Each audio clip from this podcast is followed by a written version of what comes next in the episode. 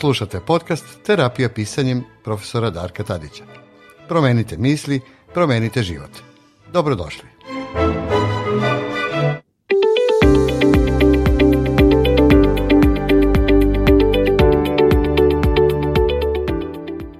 Dobar dan i dobrodošli u najnoviju epizodu terapijskog pisanja.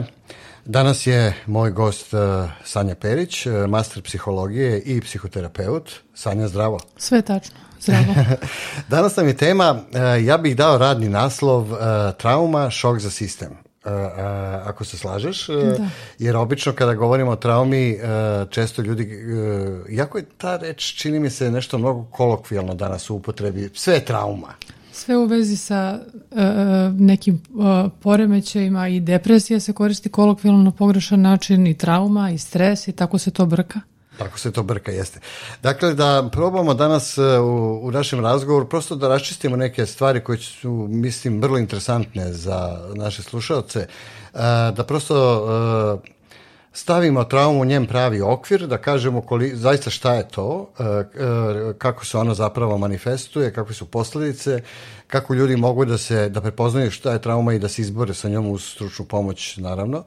E, I da prosto e, razjasnimo jednostavno jednom, nadam se kao mali doprinos e, o shvatanju o tome šta je zapravo neki traumatski događaj i kako on može da utiče na naše živote, a može da utiče e, poprilično, je li tako?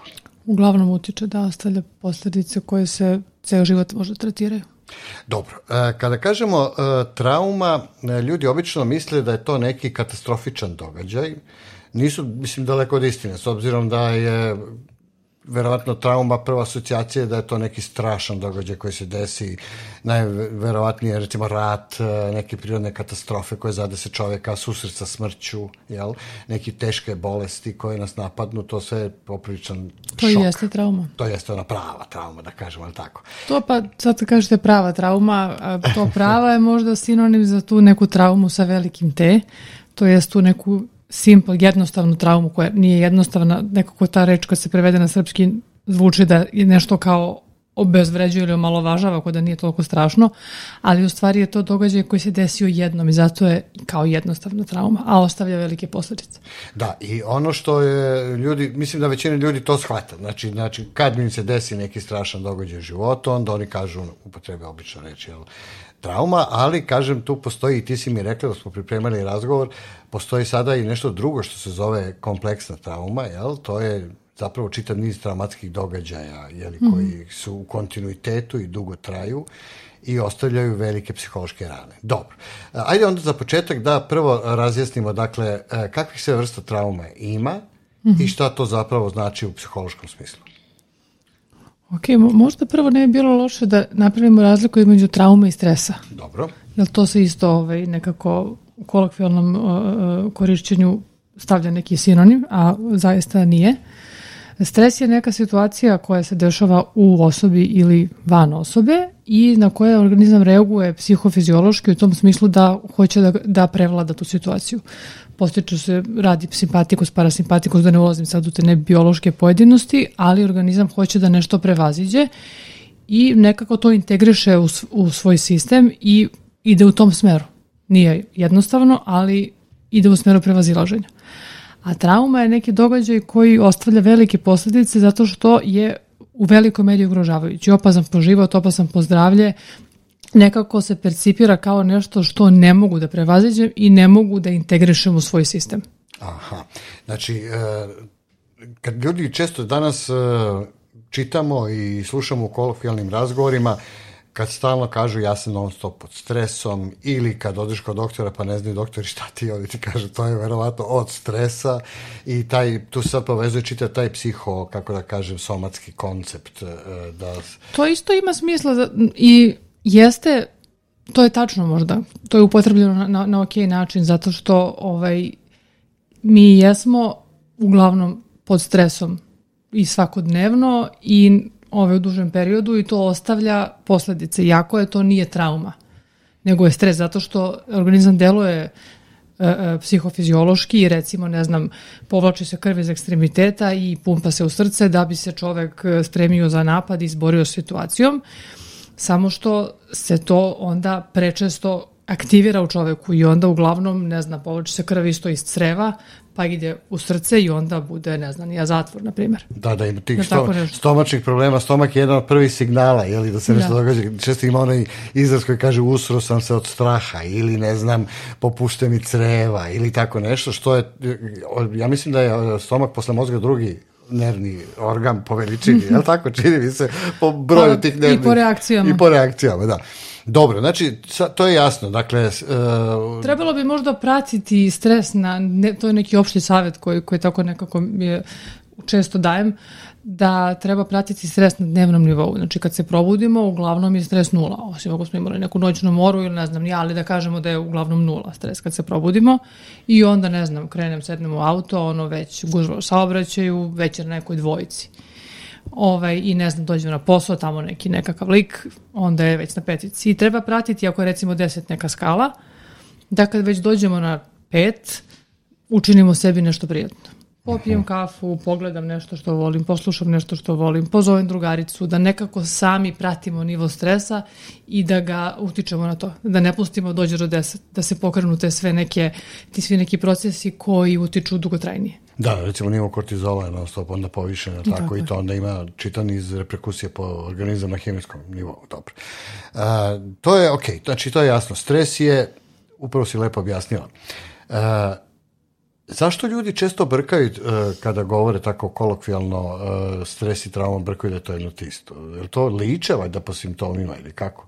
Po simptomima uh, li, liče i nekako je kao da je jedna od mera intenzitet. I onda kad Aha. se neko mnogo istresira, onda kaže ja ovo je bila trauma, a verovatno možda i jeste, mada to se vidi kroz posledice koje ostavlja. Naravno. Uh, Dakle, ok, to smo razjasnili. Znači, stres je najčešće i neki manji jednokratni događaj. Može on da se ponavlja, Može se kontinuirano, kontinuirano može da bude. I da ostavi posledice slične koje što trauma ostavlja. Mislim, fiziološke, biološke po telu. Jel? Neće ostaviti ko što trauma ostavlja. Zato što Aha. trauma ugrožava telesni i psihički integritet. Dakle, e, to je neki događaj koji e, sistem ne može da uklopi u svoje iskustva. To je nešto što, hmm. stres je nešto što nema ne prija, ali nekako um percipira da je to nešto što može da se desi i može da se prevaziđe. A trauma je nešto što um nije očekivao i nije predvideo i nema način kako da ga reši. Znači to je praktično prava ona ideja da je to zapravo jedan šok za sistem. Da.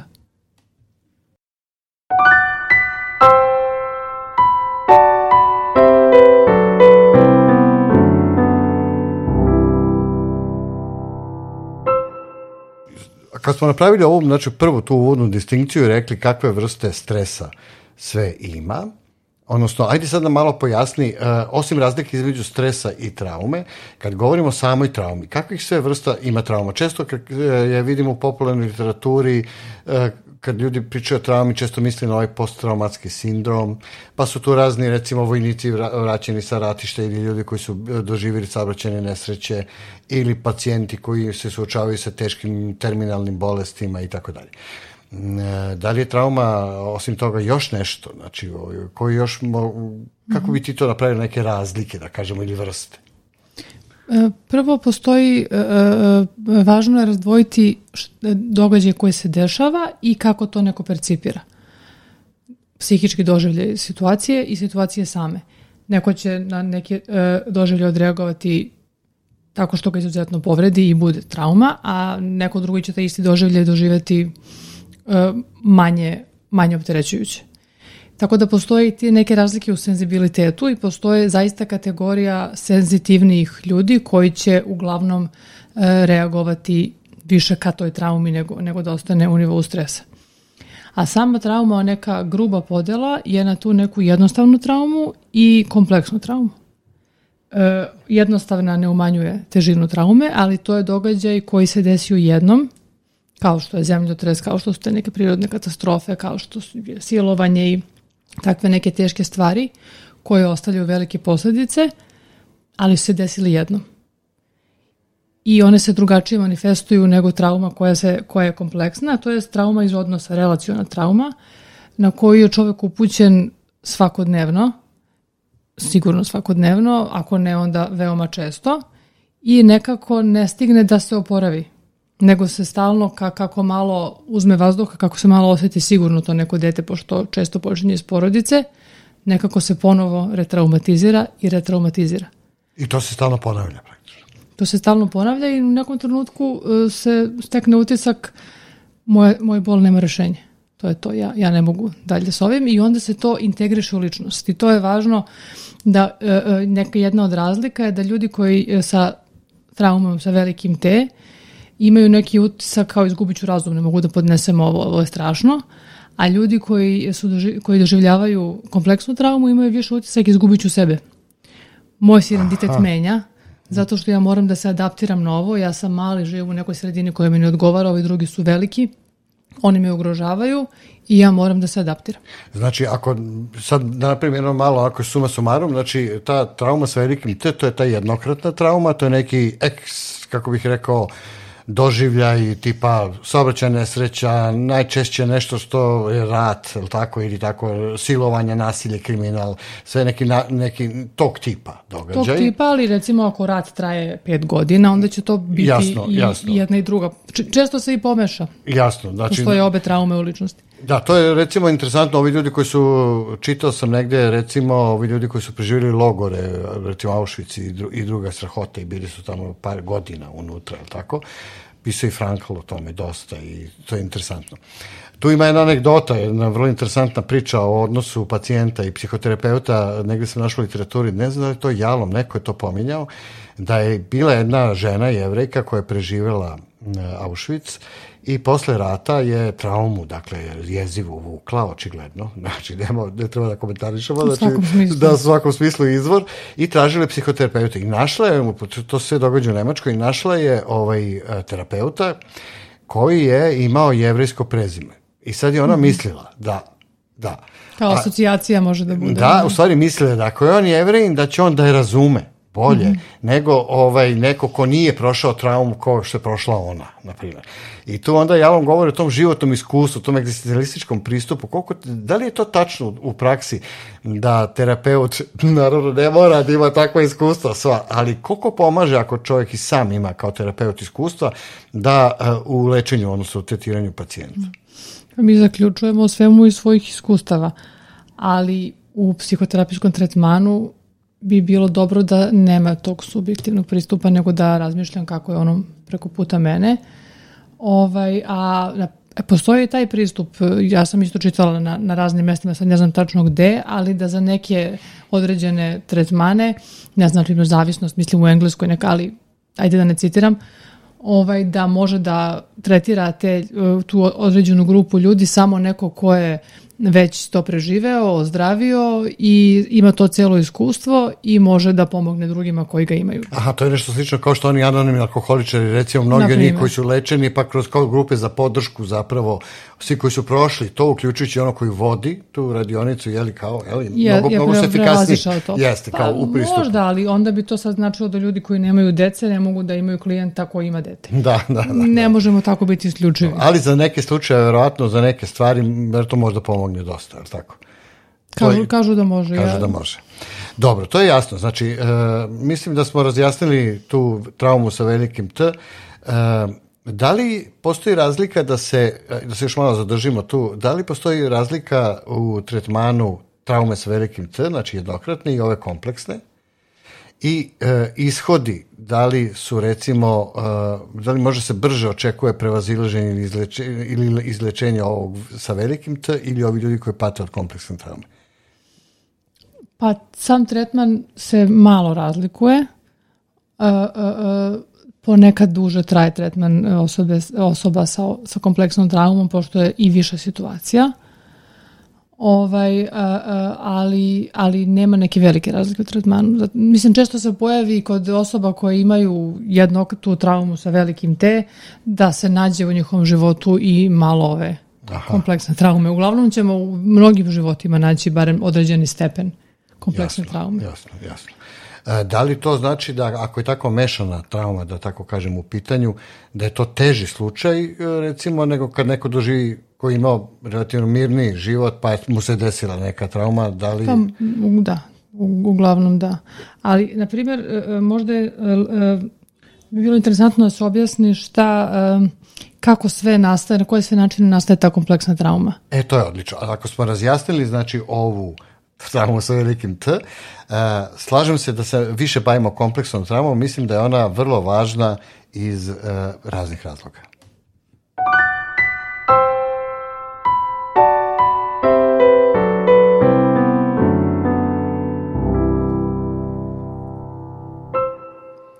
Dobro, uh, kompleksna trauma, rekla si, ja sam je, kad si ti meni objašnjavala u pripremama za ovo naš razgovor, šta je to, ja sam to shvatio da je to, ovako slikovito da kažem, nešto poput rđe, koje iz, izjeda hm. čoveka, znači stalno, uh, znači traje dugo, uh, i to mi nakon malo sam se stresao na taj ovaj moj, moju vizualizaciju te, pri, te priče. Uh, Hajde reci nam malo, znači kompleksna trauma, meni se čini da je ona uh, um, danas prisutnija više nego ikada. Uh, mi živimo u složenim nekim, da kažemo, životnim okolnostima, ne samo tehnologija, virtualne mreže, dinamika tempo života, nekakav promena vrednosti i tako dalje i tako dalje. Sve su to neka turbulentna vremena, pogotovo u poslednjih godina i od covid i od ovih raznih dešavanja. Uh, Tako da čini mi se da ljudi u toj nekoj savremenoj civilizaciji 21. veka počinju sve više da pate od tih kompleksnih složenih psiholoških problema. Verovatno je kompleksna trauma toma. Ajde reci nam da, više o tome. To da. u većoj meri e, problem e, današnjice, ovaj, nekog perioda ovog, ali prvo ću da, da asociram na, na početak e, tvog izlaganja kad si rekao da te asociralo na rđu Pa meni je tad e, ovaj, se javila metafora uh, Erika Berna, koji kad priča metaforički o traumi, isto je u pitanju metal, nije rađal, ajde, kaže, ako, ako bi traumu predstavili sa nizom novčića, onda i poređali novčić jedan na drugi, onda bi e, trauma sa velikim T bila, recimo, novčići su poređeni jedan na drugi i jedan je u velikoj meri izmešten, I onda će svi pasti, zato što utiču u velikoj meri na ceo stubić. Aha, aha, to je dobro, dobro metafora. Divno, pa što me asocirali, a, ovaj, a ja malo ti, malo vi. Ovaj, a, a, kompleksna trauma je, ako bismo u tom nizu novčića, svaki drugi novčić pomerili pomalo, na levo, malo na desno, opet ne bi izdržao stub, opet bi se nekako urušio, pošto ne može podnese tolika izmještanja. To si mi, e, meni interesantno zvuči kad kažeš da je zapravo kompleksna trauma relaciona trauma. Znači, šta znači to kad je relaciona trauma? Iz odnosa. Znači, iz... relacija je iz odnosa sa nekim. Sa nekim, aha. Uglavnom je to iz odnosa, ne sa nekim, sa bilo kim, nego sa nekim ko ima više moći u tom odnosu i tu moć ne koristi na način da, da, da vam pomogne, nego tu moć koristi na način da vas ugrožava. Aha, znači to je ipak sad jedna jasna distinkcija. Znači to nije bilo kakav odnos, već neki gde, gde su snage neravnopravne. Gde su snage, to je, to je možda jedno od najvažnijih elemenata.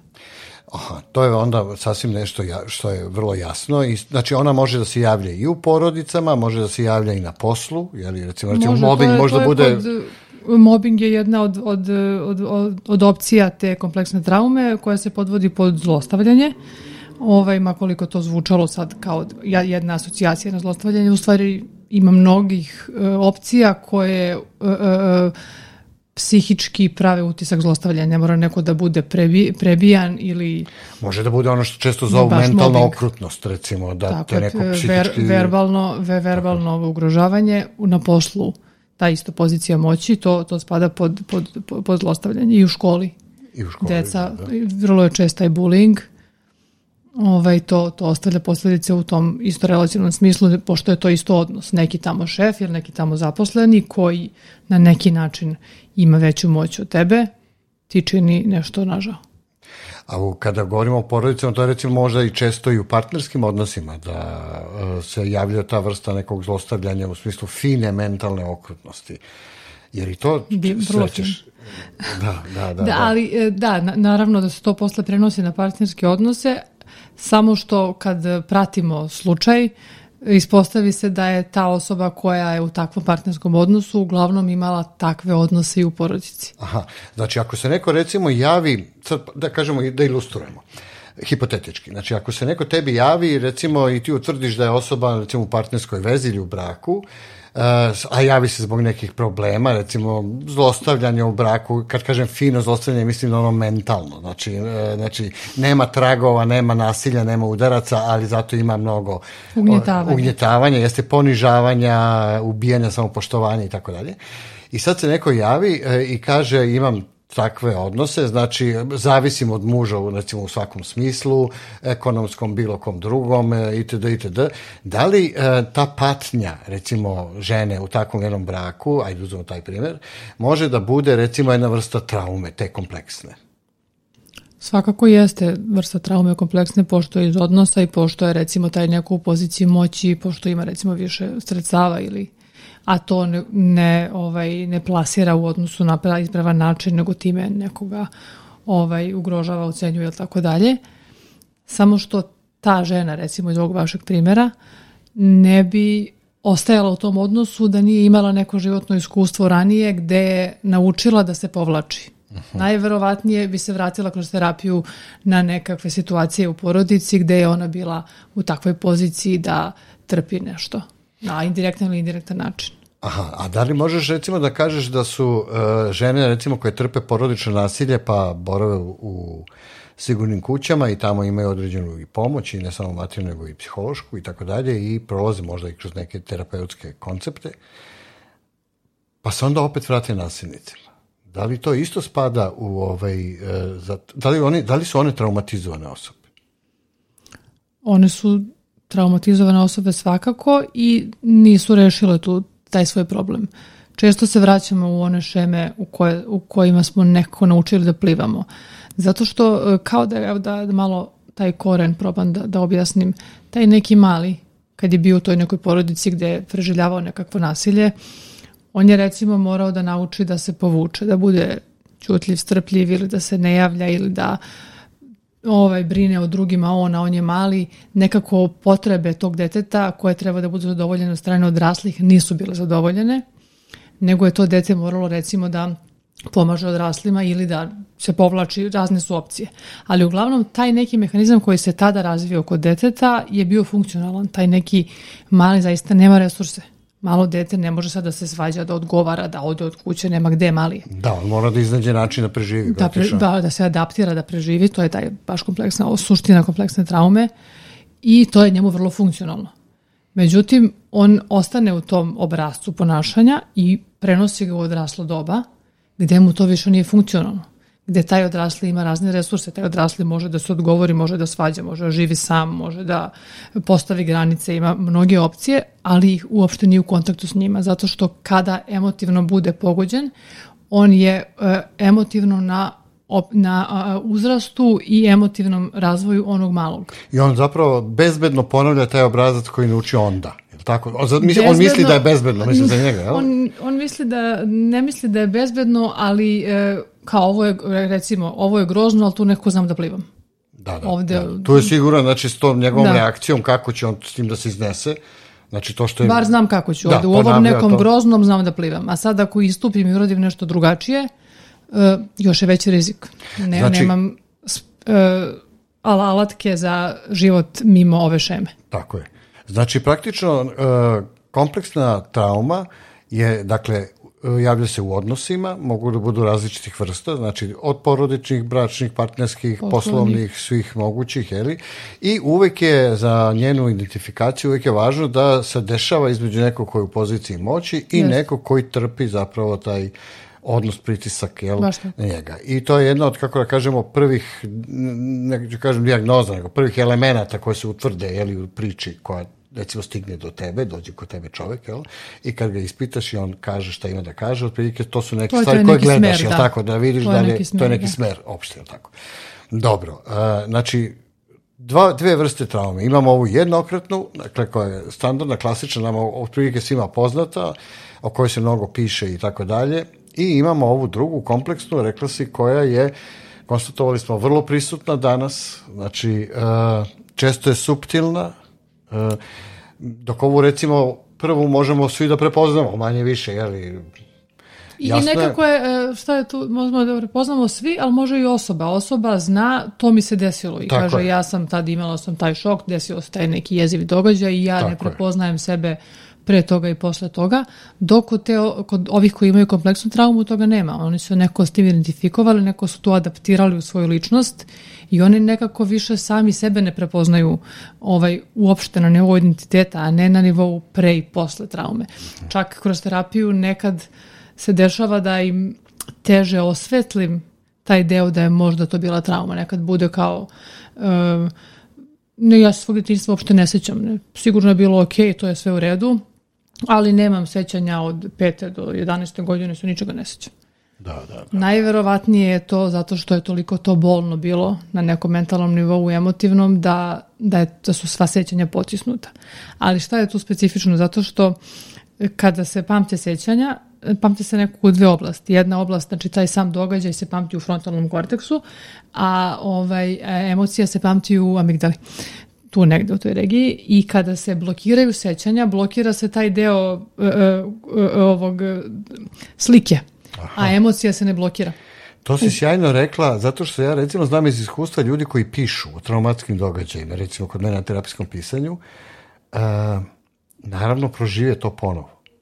To je interesantno. Uh mhm. -huh. Ali kad im daš da pišu, recimo kao priču, uh -huh. uh, oni uh, kod prvog pisanja koje se zove konstrukcija priče, oni obično tada uvek pišu u prvom licu, zato što je to šok tada toliki, jer uh -huh. ja, mhm. ja sam tu centar svega. I to je obično burno, vrlo, zato što je, o, kao znaš i samo u književnosti ima ta fora kada pišeš u prvom licu, zapravo čitoca direktno emotivno uvlačiš u priču. Uh -huh. Znači, i daješ mu njegovu perspektivu. Uh -huh. Znači, on je siromašan za druge perspektive drugih koji su tu učestvovali, nego svoj gled. Mm -hmm. Ali kad, na, kad mu tražiš od njega da, da promeni perspektivu, znači da uh, počne da, da promeni zamenice, da piše recimo u prvom, drugom i trećem licu okay. o istom događaju, to je nevjerovatno kako se stvari promene. Ne samo emotivno, nego i kognitivno. Mm -hmm. Zato što on, prvo, kada, prvo samim činom pisanja, uh, kada piše o nekom drugom, kom, onom kome se to dešava, on već ima emotivni odmak od te priče. Znači, nisam ja više tu, nego neko on tamo, čime se umanjuje, znači, taj emotivni pricak.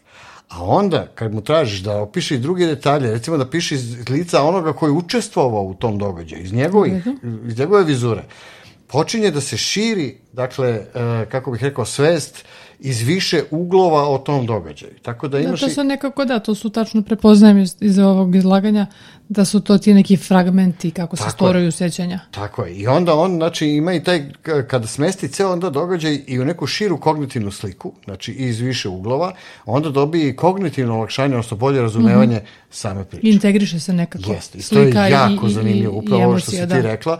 I to za vađenje iz mm -hmm. procesi tih slika koje smo zaboravili, koje, su, koje ne postoje, zapravo rupe ja, u da. sećanju. Da. Kako da. bih rekao, ja sam to doživeo recimo kad sam išao na moju terapiju, kad sam radio, kad sam bio na obuci za ovaj, uh, psihodramu i onda smo postavili dramske situacije Ok. I to, na šta, na šta je to da, sve psihodrama je predivna. Imala na šta je to sve izašlo? Ja, mm. Upravo to, jer ja sam imao rupe, isto tako potisnute. Tako da je meni to bilo šokantno. Znači, kad su oni meni rekli, a ovo? -hmm. A šta je ovo? Iznenadi čovek sam sebe. Neverovatno, znači šta izaći. Tako da je to, ovaj, to si rekla, to je baš interesantno i uh, meni se uh, dopada to što postoji dakle taj uh, koncept uh, u psihoterapiji, dakle da se to razume, prepozna, znači da su to ti relacioni konteksti koje mi obično guramo po tepih, je tako? I onda se iznenadimo kad nešto... Guramo po tepih i kao nekako opravdamo. Ti, ovaj, kad, kad uđemo u priču sa nekim, često se na početku osjećaju, ne znam, kao neću ja da kritikujem mamu i tatu, ja nisam dovoljno dobro dete ako ih kritikujem, pa nisu oni krivi za moje probleme, oni su se trudili najviše što su mogli, čuvaju nekako te, ovaj, te figure autoriteta ljudi. Teško se dođe dotle da da, da, da, mislim nije teško, dođemo dotle da, da ovaj, mi nikoga ne kritikujemo i da znamo da su namere bile dobre, ali da ipak način na koji se odigravalo to neko odrastanje nije bilo tako da su detetu zadovoljene potrebe. Ok. Tome ćemo još malo, ovaj, sad kad budemo pričali o posledicama zapravo, dakle o tim, neko, stvari, prvo ćemo pričati o simptomima zbog kojih se ljudi žale pa dođu kod tebe, a onda i posledicama koji se identifikuju šta trauma ostavlja i zašto i kako se ljudi bore protiv toga, prvo sami vjerojatno nešto pokušavaju, a onda kad shvate da ne može to baš tako, obrate se stručnom.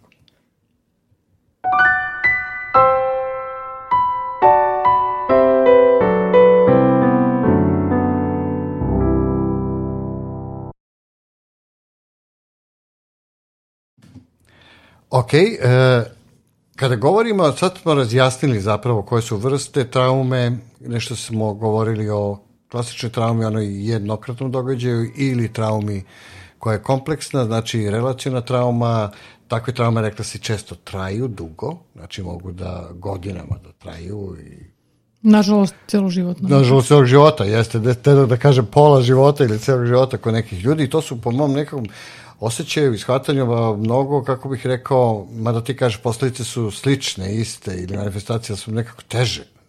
Ovaj. Pa možda su dramatičnije simptomi. Rđa je veća, kako bih rekao, izjeda. Dramatičnije su simptomi kod uh, traume koja je jednokratna, to je ta sa velikim teta, neka strašan, jedan strašan događaj, zato što ga je psiha svesna, čovek ga je svestan i iznena, iznenađenje je veliko i onda su tako te noćne more, znojenja, prežnojavanja, asocijacije na zvuke, asocijacije na, na mirise, na, na bilo koje slike, emotivno vezivanje ovaj, za određene lokacije u negativnom smislu, to su neke posledice koje su vidljive ovaj, eh, kod traume sa velikim te. Dok su kod traume kod malim te posledice mnogo manje vidljive, one se više manifestuju kroz odnos sa drugima. Aha. One neće imati nekakva, ne znam, noćna znojenja ili tako nešto, nego će da slabije stupaju u relacije, da se plaše ljudi, ovaj, da, da ne reaguju adekvatno, da imaju nek, razne inhibicije, teško će praviti te relacije. Aha, no, zapravo oni će zapasti u jednu začaranu petlju nefunkcionalnosti u odnosima s drugim ljudima, je tako? Znači, na primer, ne znam, neko koji je imao hladnu majku, recimo, koji je odrastao u tom nekom emotivnom vakumu, a imao je sve drugo, recimo, materijalno bezbeđen, školovo se lepo, taj, ta nedostatak bliskosti može kasnije da, da bude matrica koja može da se razvije u traumatske odnose sa, sa recimo, partner, partnerkama, recimo, da, Uglavnom, da, da. se on ne razume šta je to i da on tu, te neki, onda kad ti kreneš da kopaš, verovatno, pod prošlosti, iskrsnu neki pajaci vrlo čudni, jeli, koji mogu da se dese e, čudne neke stvari u životu, koje verovatno čovjek potisne i on sam se ne seća toga, recimo, vrlo, vrlo moguće. Dobro, e, kada ti dođe osoba, recimo, koja pati od takve vrste, recimo, e, traume, e, oni se žale najčešće Na neki odnos. Na neki Oni odnos, dođu i kažu, ne znam, sad dečko mi je ovako ili uh, ne, ne znam da kažem, ne, ne znam da odviju, ne znam da se konfrontiram, ili dođe zbog nečega što se desilo, neke velike svađe, pa onda nekako odlutamo do toga što je došlo od te svađe dalje, inače tako se ponaša u određenim odnosima. A to, ako sad gledamo posledice u korenu tog matrice odnosa formirane u detinjstvu, ta deca e, nekako e, e, nemaju dobar kontakt sa bolom sa bolom psihičkim, jer e, bolje nama dobar signal, bolje, bolje nama u stvari opomena, tako telo komunicira sa nama. Kad me boli zub, aha, nešto nije u redu, idem kod zubara. Tako bi trebalo i kad je neka psihička bol, kad neka potreba nije zadovoljena nekome, ne znam, za sigurnošću, takve neke subtilne potrebe, ne samo za krovom nad glavom. Jasno. Da ode kod mame da je zagrli. Ako ta mama je hladna, pa ga ne zagrli, onda to dete nekako ne razume da je ta mama hladna, nego to dete misli kakav sam ja to, mama neće me zagrati. Da, ja sam loš i onda me ne Ja sam loš. Da. I proba ponovo da bude još bolji, da se nekako tu snađe, da zadovolji tu, ako je mama u pitanju. Na primjer, dobro, to je... Ovaj, I u nekom trenutku se formira obrazac, pa ovaj moj bol nema rešenja. Ja ne mogu da rešim ovo i to je neka tako ta pozicija beznadežnosti neke da ja ne mogu nikako da sredim ovo što, što mi se dešava a paralelno postoje potrebe. I sad treba uskladiti taj na nekom emotivnom nivou da moj bol nema rešenje, da ću ja stalno biti povređen što god da uradim, a da hoću da zadovoljim potrebe. I napravi se onda uglavnom neki obrazac koji izgleda otprilike ovako. Sad ću ja da zadovoljim svoje potrebe, ali neću da budem povređen. Nikada. Što je neizvodio. Ja ću, na primjer, da kreiram bliskost sa nekom osobom, da mi se približim, ali ću se čuvati istovremeno da se nikak, da ta osoba nikako ne povredi. I to da, je, da, da. to je do, dobro zvuči kao obrazac, ali je ne, neizvodio. Ali neizvodio, da, prekasti onaj drugi koji učestvuje u tom odnosu, vidi da nešto nije u redu ili ne, ne, ili ima neke svoje ima neke svoje drugačije. Ja često volim da kažem, znači ako bi se našla osoba da, da je slična njemu nekako kontra ogledalo pa se uklope takve veze možda i mogu da, da obstanu Jel tako? Ovaj... Jeste gled, imali susrete sa knjigom e, Kako preživeti sobstvenu porodicu? E, mislim da, da čita sam neki izvode. Da, I tu da. baš ima, prvo podnaslov je što li sam se uopšte oženio tobom i imaju stripovi kroz tu knjigu i prvi strip je kao za oltarom dvoje, kao ne znam, ja, gledaju se zaljubljeni, imaju oblačiće iznad glave i u svakom oblačiću piše kako fenomenalno poremećena osoba. E, sa, to si odlično rekla, to. da. To su te, ja, ja ih volim da iz ove patološke simbioze koje se savršeno uklapaju. Znači, oni su za sebe idealni. Znači, nema... Do nekla. Do nekle, da, nadam. Mislim, opstoji takve veze, to, to je nevjerovatno, mislim. Deluje nekom- kao da opstaju, Da. ali u stvari oboje pate, oboje su i dalje u matrici. Dobro, kad si, kad si rekla da um, naš, neke naše reakcije na traumu, um, postoji taj koncept uh, freeze, znači za, zalediš se, jeli, dok ne prođe, jedna varijanta, a druga je flight and fight, znači beži, jel, bori se ili beži. Uh, verovatno su one jasne kada je neka, kako da kažem, mi to često smo mogli da vidimo u životu, a i često je tema i filmova i tako dalje, kad ljudi e, padnu u stanje šoka, znači kad se desi nešto kao tipa saobraćajna nesreća ili neka, ne, neka tako, da kažemo, vanredna situacija drastična, onda on, jedan tip ljudi reaguje tako što se zaledi, a drugi e, imaju tu, tu opciju flight and fight, znači prosto postoju... E, da li to važi i za kompleksnu traumu? Kod ove mi je jasno, ali kod To ove... je baš uglavnom vezano za kompleksnu Stvarno? traumu. Jer Kako to to nastaje iz tog mehanizma, sad ću ja da budem u odnosu, ali neću da me niko povredi. Mhm. I onda kao kako ću to da izvedem? I mislim formula iza toga je jedna opcija je to fight. Dakle, ja ću da, ovaj, pošto će oni mene sigurno povrede, to je neka dublja pretpostavka, sad ću ja sve da napadnem fino. I kogod ovaj, tu nešto i kogod ja pomislim da će možda da me ugrozi, ja ću prvo da napadam. Aha, preventivni napad, jel? Ok. Kao najbolja odbrana. I to je opcija fight. Opcija flight je izbjegavajuća opcija. Dakle, ja ću sada da ulazim u odnose, ali izbjegavam konfrontacije, izbjegavat ću suočavanja, izbjegavat ću velike grupe, izbjegavat ću da pričam. Ne svađam da, se i tako dalje. I onda to kao ajde sad ću i to se povremen, to se vremenom e, dotle dođe da je ta reakcija bega u milisekundi. Zato što e, osoba sama sebi smišlja najgore moguće scenarije. Sad će ovo i ovo i uglavnom dođe dotle da ovaj ni ne suočava se ni sa čim nego samo izbjegava. Ti obrazci mogu da budu vrlo suptilni. Znači, praktično, sad kad pričaš, ja se sećam i nekih mojih slučajeva, kontakata, prijatelja, mojih iskustava, literature.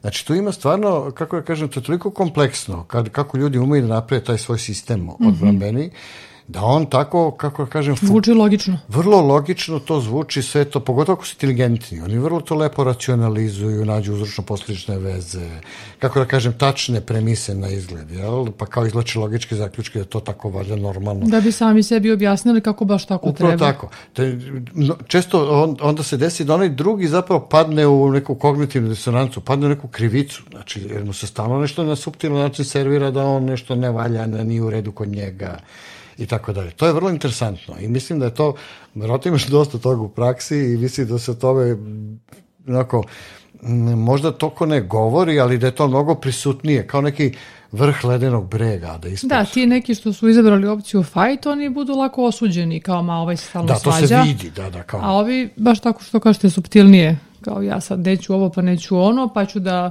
na neki način pasivan nekog drugog optužim, ali je poenta da sam ja izbjegao Tako je, situaciju. tako je. A ovi koji su u freeze modu, oni e, su nekako odlučili, sad ću ja lepo da ne osjećam. Aha, oni su baš se zalede. I sad ću da idem kroz život, ali ću da, i onda to su, na primjer, često ide ka zavisnostima, ka umrtljivanju emocija na različite načine, lekovima, alkoholom i drugim substancama. Tako da on praktično sebe anestezira. Znači, i tako je bezbedan, neće da bude povređen, i ne mora da nikakva osjećanja ispoli, niti da primi tuđa. A deluje kao da se suočava s situacijama, ne deluje kao ovaj što izbjegava, nego deluje da on tu sad može da prevaziđe svašta, Da li, a u stvari se, se ukočio. Da li recimo radokoličari mogu da spadu u tu varijantu? Znači, oni ljudi koji neprekidno rade nešto, non stop rade, znači nikad nisu dostupni ni za šta. Može, ali oni mogu da spadaju i u ove koje izbjegavaju. Oni neće da budu u kontaktu sa emocijom i zato stalno sebi nešto smišljaju neke zadatke. Kao ja moram ovo i moram ovo i moram ovo i objasni sebi kako je sve to mnogo važno a u stvari da ne bi bili, da bi izbegli emociju. Ovi koji su u frizu uglavnom deluju kao da to sve fino odrađuju.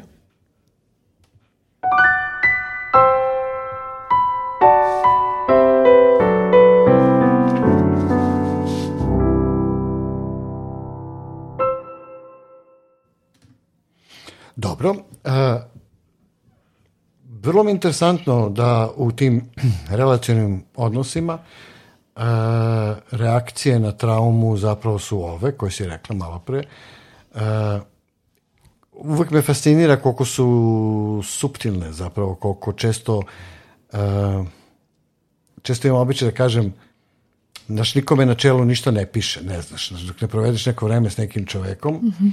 Oni su svi s polja, ljudi, ti su ljudi često funkcionalni, vrlo, recimo, kako na izgled. Kažem, na izgled, vrlo integrisani u društvu, vrlo šarmantni, možda su uspešni u nekim svojim poslovima. Pogotovo nekim... ovi koji su u fajtu, oni su često uspešni. Jeste, jer su borbene prirode, imaju čak i sledbenike koje mogu da ih slede i tako dalje. A onda kada počne se odmotava ta priča, kako zapravo oni oni dok su u tim modovima svojim, e, da li oni, oni, oni trpe, rekla se, oni pate, jel? Pa recimo taj fight je neki vid nadkompenzacije, on je u stvari ranjiv i on zna, on im posjeduje neku ranjivost i nadomešćuje to time što je ekstremno borben ili ekstremno napadan ili popularan ili tako nešto. Da li ti ljudi koji su uh, usavršili ove svoje modove i odbrambene mehanizme, kažeš to se vremenom, ako su više dugo traje, to postane deo strukture ličnosti, mm -hmm. praktično. Da li su oni zapravo, da li oni traže pomoć onda? Ako oni žive u tom svom modu uh, i relativno su funkcionalni, znači i društveno, da kažem, uspešni, nemaju neke, da kažem, padove velike što bih vodilo da se obrate psihijatru, psihologu, psihoterapeutu, uh, Oni mogu tako ceo život da žive. Tako da, oni, da li sebe oni shvataju da im nešto, s njima nešto nije u redu? Pa svako se trudi da nekako objasni sebi da je baš tako dobro, jer je napravio određen sistem, ali ovi koji su freeze, oni dođu recimo na terapiju pošto upadnu u zavisnost. Aha. Na primjer. To bude neki, neki To bude razlog. znači okidač. Da zapravo da oni Ovi dođu. koji se povlače, koji su u ovaj uh, flight modu, oni uglavnom, mislim uglavnom, na primjer, jedan od, od razloga što dolaze je što su previše ugnjeteni, budu u toj nekoj, tom nekom samožrtvovanju i više ne mogu da se daju, osjećaju se previše prazno u nekom trenutku, shvate da ne mogu da podnesu bude im previše. A ne znam, ovi koji su u fajtu, oni dobijaju kritike. Naprimjer, neko partner kaže, ja ne mogu više da te podnese, šta, stalno me nešto grdiš, ovaj, uvek si ti najbolji ili tako nešto i onda, a partner mu taj znači zbog nečega I, na primjer, znači, isto ih tih, e, zbog relacija se pojave tu. Da li, recimo, uh, anksioznost ili depresija mogu da budu simptomi, da oni, na primjer, zapadnu u depresiju ili u duže periode anksioznosti i onda dođu, ili napade panike? Da li to može da bude jedan od uh, simptoma koji... Svako potiskivanje može da dovede do napada panike. A uglavnom u ovim mehanizmima jedan od jedan od, od, od, od, od opcija koje se dešava je da se određena emocija potiskuje. I onda kad to traje? I onda kad nešto iz sredine asocira baš tu emociju, dođe do napada panike. Hmm, to je znači, u stvari napad panike je neka e, želja za konekcijom. E, vidi, loše mi je. To je neka komunikacija sve podsvesti, pogledajte me baš mi je loše. I onda kada radimo s napadom panike, često se nađe u, u iskustvu neki događaj koji je bio sličan. Redko će se napad panike javiti zaista, pošto je to bilo tako ekstremno.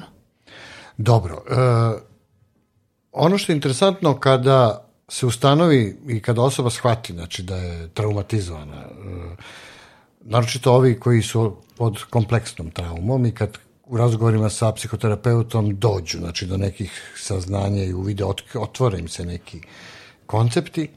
Šta dalje? Kako onda uh, kada pristupiš njihovom, da kažemo, radu sa njima, mm -hmm. Uh, otvoriš im neke dakle, stvari, oni osveste neke stvari, mm -hmm. očigledno kroz rad sa tobom, shvate i kognitivno i emotivno gde su, šta su i tako dalje. Kako sad ide taj proces prevazilaženja, odnosno oporavka? Šta se radi tu? Mm. Teško je s tom traumom relacionom, veliki je strah. uglavnom ljudi koji su inteligentni, a većina klijenata su mi inteligentni, svi klijenti mogu da kažem, ovaj, oni razume, shvate šta se dešne, uvid se relativno brzo stekne. Ovaj, ali onda treba da dođe promena, koja je mnogo teža. Zato što je to mnogo veći rizik da nešto promenim. Onda, onda i ja moram da budem drugačiji, ja moram da istupim iz svojih šema i svojih modova i da probam, probam nešto novo. Tako da šta radimo? E, paralelno idemo u kontakt sa tim ranjenim delovima, sa tim nekim malim detetom koje je nekako na neki način povređeno kroz razne imaginativne tehnike, kroz zaista iskustvene tehnike gde, gde pravimo pravi kontakt sa tim nekim delom koji je ostao negde e, e, sa nerešenom emocijom na terapiji, a istovremeno dajemo behavioralne zadatke, ajde probaj ovo, probaj ono, da se to dešava i praktično, ne samo da razumevamo, shvatam, ali kad je osoba spremna. Aha. E, po tvom iskustvu, mm, koliko dugo traje proces ta izlečenja zapravo? E, I da li ima razlike između kod e, procesa i vremena kod ljudi koji su doživjeli traumu sa velikim T i kod ovih drugih? Da li se lakše radi i sa ljudima koji su imali ovu jednokratnu traumu bitnu? Na primjer, e, lakše... Uslovno da, da kažemo, da. Lakše možda reći e, ništa nije ni teško ni lako, nego ima, svako ima svoj način i način kako mu pristupam, ali možda ako je neka osoba uravnotežena i nema neke velike probleme iz prošlosti, a desila se trauma sa velikim T, neće dugo trajeće desetak seansi recimo.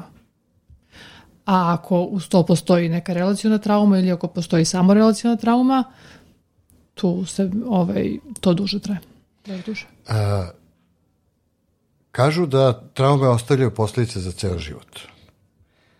Sad, neko iz pozicije ko radi i pomaže ljudima koji su doživjeli traumu, bilo koje vrste, a, postavlja se ono pitanje, ja se sećam, jedna klinikinja mi je došla i pitala me, jedno od prvih pitanja je bilo, da li vi meni možete da date garanciju? ja je pitam, izvinite, ovaj, e, kako to mislite, garanciju? Ona kaže, pa da mi napismeno date da ću ja posle šest meseci da budem bolje. A kaže, znate šta, ja, vi, ovo rekao, nije automehanika, da vi dođete ovde pa da vas ja popravim. Znači, to ne postoji. Dakle, ako mislite tako nešto. Da li si, ovaj, da li klijenti kad dođu kod tebe, uh, recimo sa traumatskim nekim iskustvima i tako dalje, Da li si imala doživlje da ti traže ili pitaju te kad će ne, ovo da bude gotovo? Ne, tako i pitaju, da, da, ko, da. Što, ko što kažete, dešava se da ima takvih nekih pitanja eksplicitnih koji su slične to, to, te vaše klijentkinje. Ovaj, nažalost, nema garancije. Ja jedino što mogu da garantujem svakome je da ću dati sve od sebe i da ću se potruditi da ovaj, pomognem najbolje što mogu. To je, I tu garanciju uvek dam. Da li recimo je i dobar rezultat kada ljudi praktično nauče da, da se dobro adaptiraju, da žive s tim, da razumeju što se sve desilo, e, kad jednom kognitivno to razumeju, da li se tu vidi onda neko olakšanje da se bar uh, u, bu, u budućim doživljajima uh, uh, lakše prolazi kroz slične iskustva? Pa ako je ostane nivou kognitivnog uvida, a inteligentni moji klijenti i razni drugi ljudi uglavnom dođu do kognitivnog uvida, nije dovoljno. Moje prepoznavanje je tu, ali ako ne mogu da promenim obrazac ponašanja, ja onda nekako malo i biram da ostanem tu. Aha, znači nije dovoljno, mora da se promeni obrazac. Uh, po tvojim iskustvima, uh, kako, el, ne mogu da te pitam sad da li to uspeva, naravno, ili koliki je procenat, no to sad teško možda mi kažeš, ali po iskustvima tvojim uh, uh, Jel se dešavaju promene stvarno? Apsolutno dešava se i ne, tako primećuju klijenti, divni su feedbackovi kad, kad sami primete da, da im došla promena, pa mi pišu porukice, pa mi šalju slikice, pa mi da šalju primere. Primete oni sami da su radili nešto drugačije. Svako primeti promene, da predivno, to je najdivniji feedback. Odlično. Sanja, mislim da smo ovaj, prilično lepo razgovarali o ovoj našoj temi. E, otvorili smo barem neka mnoga pitanja i dali neke od odgovora. Mislim da je vredno što smo razgovarali o traumi, o nečemu što danas, danas ljudi poprilično zapravo žive. E, nekada se to, e, kažem, traumi govorilo verovatno ono popularnom smislu ovo i veli, sa velikim T, znači znalo se šta je kad je neka katastrofa, pa kažu ajde pusti ga, on je doživeo to i to, bit će, ne znam, ovo, ono. Ali ove kompleksne kojima se, o kojima smo najviše pričali zapravo su deo naše životne svakodnevnice Tako. i zaista sve više i više ljudi osjeća uh, problem uh, i svaka od ovih uh, uspeha tvojih klijenata, svaka nova knjiga, svaka nova emisija može da bude jedna mala kockica mm -hmm. da mhm. se ta priča zapravo približi ljudima približi i da. da oni to prepoznaju. Hvala ti još jednom. Hvala vama, drago mi je da sam bila gost. Nadam se da ćemo imati još ovakvih zanimljivih tema. Ja se nadam. Vama, dragi slušalci, e, slušajte redovno uh, moj podcast Terapija pisanjem na www.terapijapisanjem.com. Uh, e, svaki subot je nova epizoda. Danas je sa mnom bila Sanja, Sanja Perić, psihoterapeut, master psiholog. Nadam se da ste zadovoljni sa svim ovima. E, slušajte nas i do sledeće subote. Uviđenja. Slušate podcast Terapija pisanjem profesora Darka Tadića. Promenite misli, promenite život. Dobrodošli.